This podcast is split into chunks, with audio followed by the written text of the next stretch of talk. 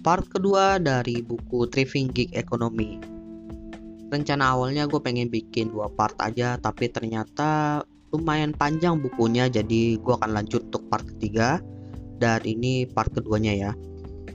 Melanjutkan dari baca buku yang kemarin itu di part 1 di mana dia udah menjelaskan tentang gig ekonomi, kemudian sejarahnya. Lalu dia menjabarkan bahwa uh, kita itu bekerja sebagai seorang freelance atau gig ekonomi itu di buku ini dijabarkan sebagai seorang konsultan. Jadi posisi konsultan di sini itu ya yang perlu kita garis bawahi agar kita benar-benar paham buku ini adalah kita itu sebagai seorang uh, atau sebuah company yang bergerak di bidang consulting. Setelah bagian pertama itu dia menjabarkan tentang apa itu gig ekonomi, kemudian apa yang dikerjakan oleh konsultan, kemudian juga ngebahas bagaimana uh, sejarah perkembangan gig ekonomi yang awalnya itu bisa dibilang masih berada di zona abu-abu. Di part kedua yang gue baca di sini lebih menjabarkan yang pertama bagaimana membangun bisnis sebagai seorang atau sebuah konsultan di buku ini yang ditekankan dalam ngebangun bisnis consulting di situ adalah bagaimana caranya kita membranding consultingnya. Apa dan juga bagaimana cara kita bekerja memberikan result kepada klien kita.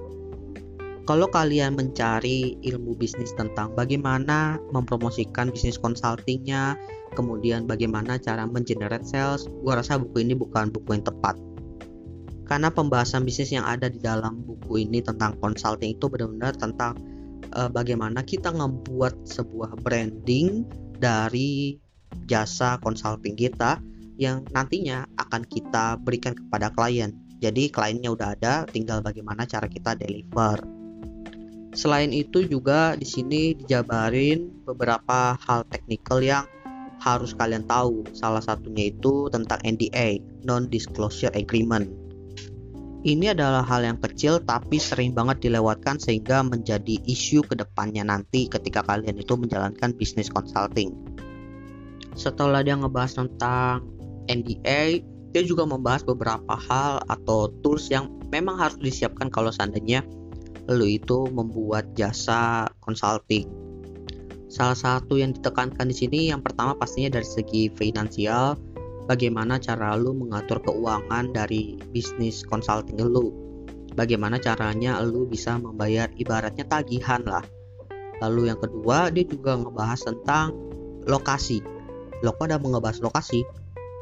Di sini menariknya adalah ternyata ketika kita ngebuat bisnis consulting itu lokasi itu penting untuk tempat kita. Yang pertama kalau sana kita ingin bertemu dengan klien mungkin itu adalah tempat yang dijadikan tempat bertemunya.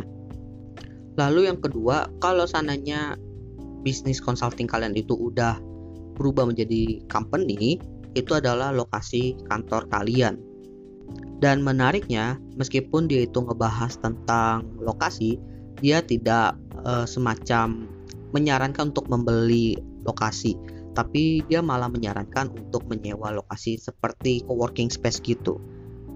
Jadi bisa dibilang di part kedua ini yang ku baca benar-benar menjabarkan bagaimana kita ngebangun bisnis consulting, bagaimana cara kita mendeliver uh, hasil kerja kita kepada klien sesuai dengan keinginan mereka, lalu menjaga uh, privasi dan juga uh, menjaga hak-hak kita sebagai salah satu pekerja even kita bekerja secara independen tapi tetap kita dihitungnya sebagai pekerja melalui NDA dan juga ada beberapa hal ya tambahan lah yang bisa menunjang kinerja kita sebagai seorang konsultan.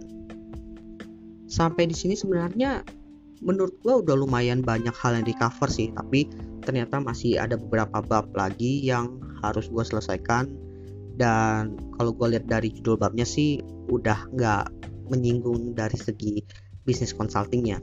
Udah bener-bener balik lagi ke sistem gig ekonominya. Dan mungkin itu akan gue bahas di part ketiga. So thank you buat teman-teman yang sudah mendengarkan. Ditunggu untuk part ketiga. thank you